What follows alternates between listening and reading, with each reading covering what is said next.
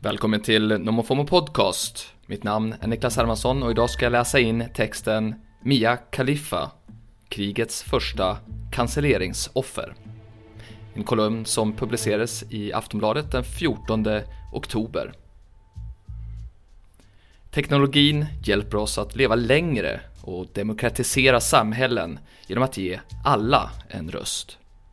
Samtidigt är kriget mellan Israel och Hamas en smärtsam påminnelse om att den nya tekniken även gör världen sämre. Fråga den före detta porrstjärnan Mia Khalifa. Informationskrigen, ja de är här för att stanna. Först Ukraina och nu Mellanöstern. Det är som att vi lever i en skräckfilmsversion av Bill Murray-klassikern Måndag hela veckan. Med ett viktigt tillägg. Allt är på riktigt. Förutom när det inte är det. Genom cyberattacker sprids desinformation om kriget på de allt mer asociala plattformarna utan ansvariga utgivare. Samtidigt som pålitlig information inte når fram. De israeliska myndigheternas sajter släcks, liksom Israels största engelskspråkiga nyhetstidning, Jerusalem Post, där de legat nere från och till. Inte heller maten och strömmen når fram på grund av cyberattackerna som enligt Wall Street Journal finansieras med hjälp av kryptovalutor. Den israeliska polisen ska lyckas frysa några av terroristernas digitala konton. Men det är betydligt lättare sagt än gjort. De senaste dygnens blodiga scener är skrämmande bevis på vad som kan hända när ny teknik hamnar i fel händer. Hamas attackerar inte bara de israeliska barnfamiljerna i deras hem.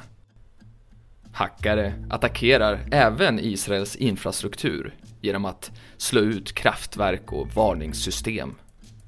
Ett exempel är att appen Red alert, som varnar allmänheten för raketskjutningar, ja, den hackades och skickade ut en notis om en falsk kärnvapenattack.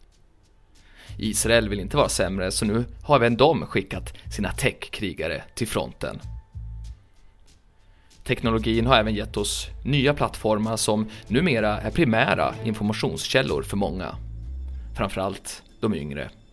Vilket är allt annat än oproblematiskt.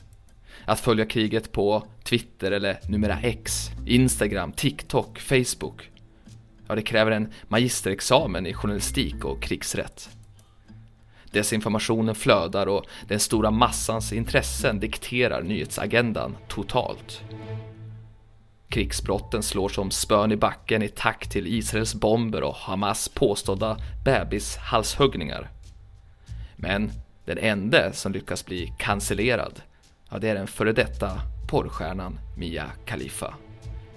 Hon som fick kicken från Playboys kreatörsplattform med buller och bång efter att ha postat ett inlägg på X där hon skrev “Can someone please tell the freedom fighters in Palestine to flip their phones and film horizontal?”